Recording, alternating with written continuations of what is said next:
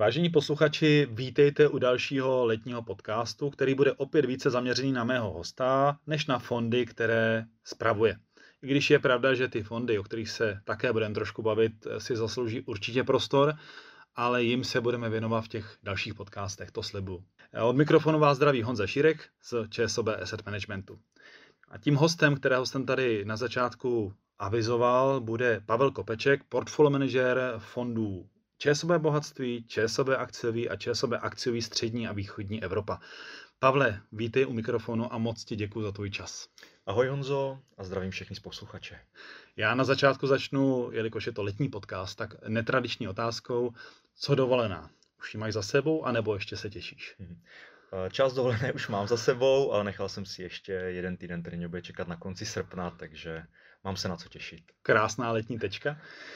A pojďme teda teď na to téma, které jsme spolu chtěli otevřít, a to je vlastně to, jak ty ses dostal do té aktuální pozice portfolio managera, který spravuje uh, vlastně jeden z největších re, lokálně spravovaných fondů, fondu ČSOB bohatství, ale pojďme na ten začátek. Jak kde vlastně začínala ta tvé profesní cesta?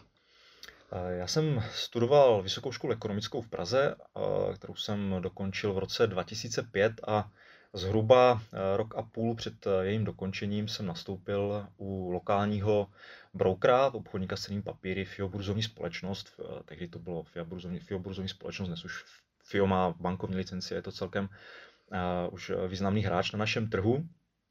Takže tam jsem působil necelé dva roky.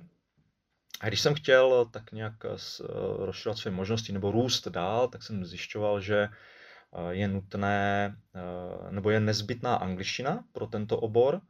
Mnoho věcí se odehrává v anglickém jazyce a je nutné proto rozumět. A já jsem na té vysoké škole, a už to pokračovalo vlastně od základní školy, byl hlavním jazykem, hlavním cizím jazykem Němčinář, angličtinu jsem měl pouze jako druhý jazyk, takže anglicky já jsem moc dobře neuměl. A poté, co jsem teda ukončil školu a eh, i nějaké příležitosti, které, které se nějak vyvinuly v tom osobním životě, jsem si říkal, že by možná bylo fajn uh, zkusit se tu angličtinu naučit a spojit uh, příjemné s užitečným a vlastně jsem uh, potom někdy v říjnu 2005 uh, odjel na rok do Austrálie, naučit se tedy jazyk a nabrat životní zkušenosti a poté ještě jsem půl roku pracoval, cestoval po Novém Zélandu. Mm-hmm. Je pravda, že tady je určitá podoba mezi tebou a mým posledním hostem, protože Jarda Vybíral se vlastně vydal podobnou cestou. Eh, je, je to zajímavé, je to čistá náhoda, eh, nebo čirá náhoda. Na druhou stranu si s Jardou velmi dobře rozumíme, takže eh, možná není tak náhodné, že ty myšlenkové procesy byly podobné. Eh, pojďme se posunout tedy o pár měsíců a let dále, kdy jsi nastoupil do ČSOB. Eh, ty už jsi nastoupil rovnou do investiční společnosti, do asset managementu? Já, poté, poté, co jsem se vlastně vrátil z, tady z toho životního putování, řekněme, kdy jsem nabíral ty zkušenosti, tak potom v roce 2007 jsem nastoupil do ČSOB investiční společnost. Mm-hmm která se později teda sloučila s ČSOB Asset Managementem, dnes je to ČSOB Asset Management jako jedna společnost a, a na té pozici, na kterou jsem nastoupil, tak eh, to bylo pozice analytika a tradera. Eh, jako trader jsem přijímal pokyny od portfolio manažerů a předával je dál na trh, komunikoval vlastně s brokery, eh, kteří, kteří s námi spolupracovali, a, ale to nebyla činnost, která by zabrala celý můj pracovní den nebo celou mou kapacitu, a takže tu druhou část té, té kapacity jsem využíval na zkoumání analýz, eh, makroanalýz eh, světových investičních domů, co si myslí o, o, o vývoji na trzích.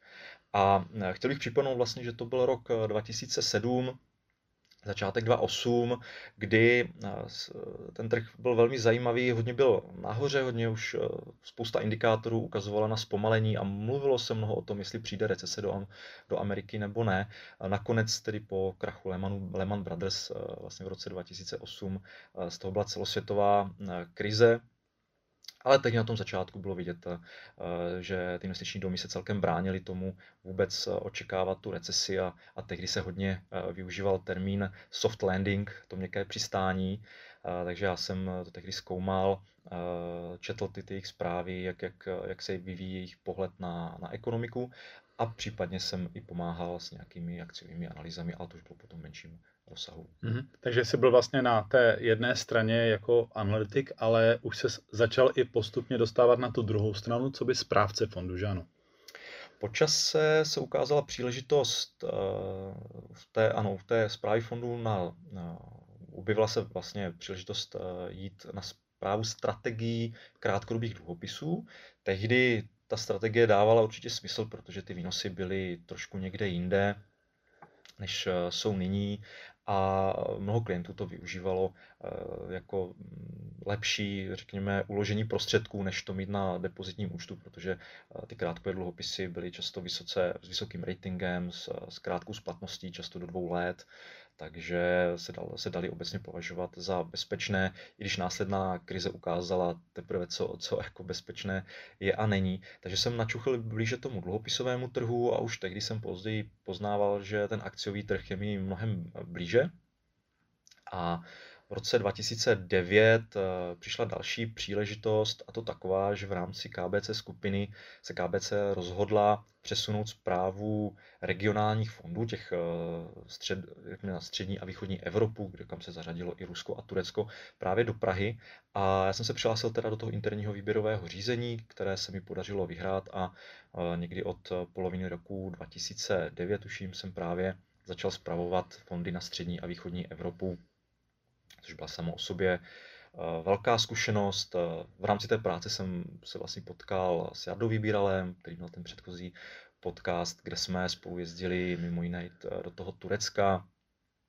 A bylo to velmi zajímavé období, bylo, bylo spoustu euforie na, na, na těch trzích a Eh, to se postupem času různě mění a, člověk eh, se tady naučí daleko lépe vnímat politická rizika. Eh, to je teď třeba vidět i s těmi investicemi do čínských akcí. A myslím si, že ten, kdo si neprošel investicemi v zemích, kde politika může nakonec dominovat té, té, tomu investičnímu příběhu nebo, nebo úspěšnosti dané investice, tak si myslím, že teď je mnohem více překvapený uh, těch akcí nebo z kroků té, eh, té čínské strany, čínské vlády a mm, možná je víc zaskočen, než ten, kdo právě ty zkušenosti měl a měl byl v těchto investicích. Já se vrátím k té tvé eh, činnosti jako analytik toho zpětného pohledu. Je jednodušší analyzovat dluhopisového emitenta nebo vůbec dluhopisový trh, anebo ten akciový trh?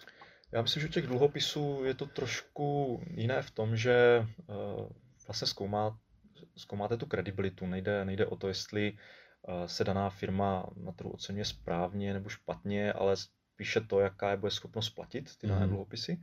Zároveň pro mnoho dluhopisů nebo dluhopisových strategií je důležité to, že investují třeba do nějaké úrovně ratingu, které dávají ratingové agentury jako S&P nebo, nebo Moody's, nebo můžete mít interní rating a v případě, že se dostane daný emitent eh, do, eh, do toho nebezpečného stupně, do toho, do toho junku, jak, mm. jak, se, mhm. jak se říká, tak eh, tyto portfolia musí třeba vyprodávat. Takže i toto je potřeba zkoumat, jestli je, jak, a jaká je pravděpodobnost, že tento emitent by mohl třeba spadnout do toho méně bezpečného stupně, do toho neinvestičního stupně. Uh, to, co já jsem ale dělal, bylo o něco jednodušší, protože jsem měl často právě velmi do, firmy s velmi dobrým ratingem, eh, měli, eh, měli krátkodobou splatnost tyto dluhopisy a zároveň jsem využíval trošku těch interních analýz, takže já jsem úplně sám tehdy nedělal eh, tu analýzu credibility, tu jsem dělal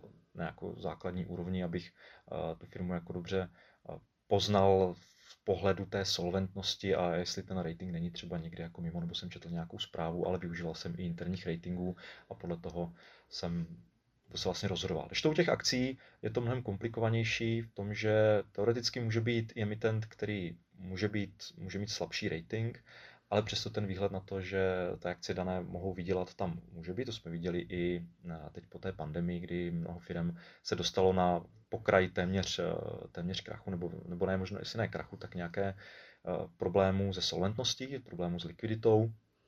Přesto, když se ekonomiky otevřely a začala se situace zlepšovat, tak se na nich samozřejmě dalo nějakým způsobem vydělat. Takže je to trošku jiný, jiný typ analýzy. Nemyslím si, že by něco bylo vyloženě lehčího, možná pracnějšího může se mi zdát ta, ta akciová, ale zase zábavnější. Já jsem právě chtěl říct, že to, ta zábava v, eh, v tom vlastně, jak spravuješ třeba pak následně fond ČSOB bohatství, je tam vidět, že ty se snažíš propojovat hodně ty příběhy ano, toho užitku. Ano, ano.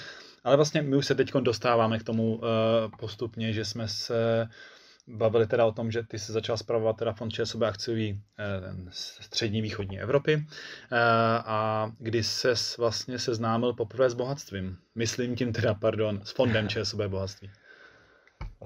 Já jsem přešel ke zprávě fondu Českého bohatství, který, který abych to vedl na pravou míru, spolu spravuji. Druhý, druhým správcem je Martin Horák, který má na starosti tu dluhopisovou složku, já mám na starosti tedy akciovou složku, tak já ho spravuji od začátku roku 2017. Nicméně už dříve jsem zastupoval kolegu, který to měl na starosti přede mnou na, na tomto fondu pár let dříve, ale jako hlavní správce té akciové složky vlastně od roku 2017 a v polovině roku 2018 jsem potom tomu přibral ten fond ČSOB akciový a následně se vlastně došlo k rozhodnutí sladit investiční strategie těch akciových složek, ať už mhm. to fondu ČSOB akciový a té akciové složky bohatství. Takže teď eh, ta strategie je jednotná. Myslím si, že jsme, jsme ji vyladili jako velmi jako úspěšně a, a, a dobře a ty výsledky tomu napovídají. Pavle, jaký to je spravovat 35 miliard korun, já si to nedokážu představit, eh, který aktuálně teda je zainvestováno ve fondu ČSB bohatství? Uh, je to příjemné.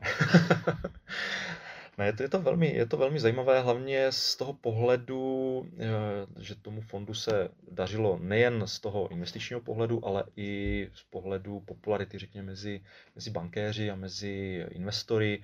Takže obě majetku, který tam Eh, narůstal, byl celkem silný. Ono, ono v té době, když eh, jsem ho přebíral v tom roce 2017, tak eh, to mělo skoro o řád méně objem toho majetku. Takže i ten růst, i to, i to, jak tam přibývají vlastně neustále prostředky a pořád se zainvestovává ten fond, je velmi zajímavé. Občas tam mohou být komplikace na méně likvidních trzích, takže to, to z toho fondu už je potom obtížnější investovat, speciálně třeba ten čes, český trh, kdyby občas se nějaké příležitosti ukázali, tak člověk musí být o něco opatrnější s tím, že to, co může nakoupit, nemusí potom snadno prodat. A jak se vlastně upravila ta investiční strategie toho fondu? Protože ty jsi tam přines nějaké svoje návrhy, nápady, myšlenky a ty se nyní ukazují, že jsou to ty správné. Tak co byl třeba ten tvůj příběh? Mm, my, co jsme, co jsme hodně, na co jsme se zaměřili, tak bylo to, že jsme viděli, že probíhají strukturální trendy, že oni probíhají vždycky. Vždycky tady nějaké byly, my jsme se na ně podívali blíže, odhalili je, říkali jsme si vždy, když se něco takto silně měnilo v historii, ať už to byly eh, auta, železnice, ocel, ropa, tak eh, to trvalo, ty strukturální trendy trvaly někdy i něk, eh, několik desetiletí. Takže to byl, to byl ten vlastně hlavní ta myšlenka zaměřit se víc eh, na strukturální trendy. A z toho vyplynulo i automaticky trošku větší záběr na informační technologie, na ty technologické sektory, případně eh, dnes eh, je ten sektor označován jako communication services, komunikační služby, ten sektor vznikl teprve nedávno, je právě výsledkem toho, co se tu děje, kdy vidíme streaming nebo polovodiče, vše, všechno, co se, to se děje, platby, e- e-commerce, platby kartou, jo, od, od, od, od hotovosti. To bylo všechno, všechno takové celkem, jsme vnímali velmi silně a v těch letech, třeba v těch letech 2017, 2018, když až člověka překvapilo, kolik třeba eh, byl podíl e-commerce na všech těch maloobchodních prodejích. Jo? A, my jsme viděli, že je to velmi silné téma, které naprosto funguje a třeba v, v Americe v, v roce 2017, myslím, to bylo třeba nějakých 12%, jo? což mi se zdá neuvěřitelně málo. Zdálo se mi to neuvěřitelně málo, ukázalo se, že to opravdu jako roste rychle. Uh, platby kartou, podobný příběh, jo, kdy, kdy eh, člověk má pocit, že už tou kartou platí dlouho jako docela jako převážně a té hotovosti používá čím dál méně, ale pak z těch statistik, těch globálních statistik vyplývalo, že třeba platby kartou byly třeba z 20%. Takže to mhm. byly věci, kde my jsme viděli, že je, je celkem evidentní nástup toho trendu a který bude trvat dlouho a že tyto poměry se mohou, které já jsem zmiňoval, se mohou naprosto otočit a místo z 20 na 80 to může být 80 na 20 a podobně to i s, právě s tím online prodejem a s e-commerce. Takže mm. to byly nutné věci. Zároveň regionálně jsme se na to dívali a tento regionální posun probíhal už mnohem dříve, kdy fondy historicky mývaly velmi často bias na nějaký home bias, se tomu říká, na ten domácí trh a bývalo tam velká část třeba fondů Eh, teda fondu, pardon, eh, indexu PX, jako českých akcí třeba, bývala, bývala nějaká větší část. A to se postupně odstraňovalo a více jsme se dívali opět na eh, rozvinuté země, rozvinutý trh a přidávali jsme tam vlastně do té váhy víc té Ameriky, na úkor právě tady nějakých těch homebiasů a nakonec jsme to zjednodušili, kde v jednom fondu byla část třeba ještě azijského expozice na Japonsko, vina byla část třeba na, na ten PX a sladili jsme to nakonec tak, že je tam teď to rozložený neutrální alokace zhruba 65-35 Amerika mm. versus Evropa. Pavle, děkuji ti moc za tvé odpovědi a pojďme teď ještě na eh, tebe jako osobu samotnou, jak ty sám investuješ. Tak eh, já určitě využívám těch pravidelných investic, které tady máme, eh, takže investuju jak do fondu toho časové akciový, tak do fondu časové bohatství. Ale mám i samozřejmě portfolio eh, těch přímých investic a využívám toho těch znalostí, které samozřejmě nabírám při správě těch fondů.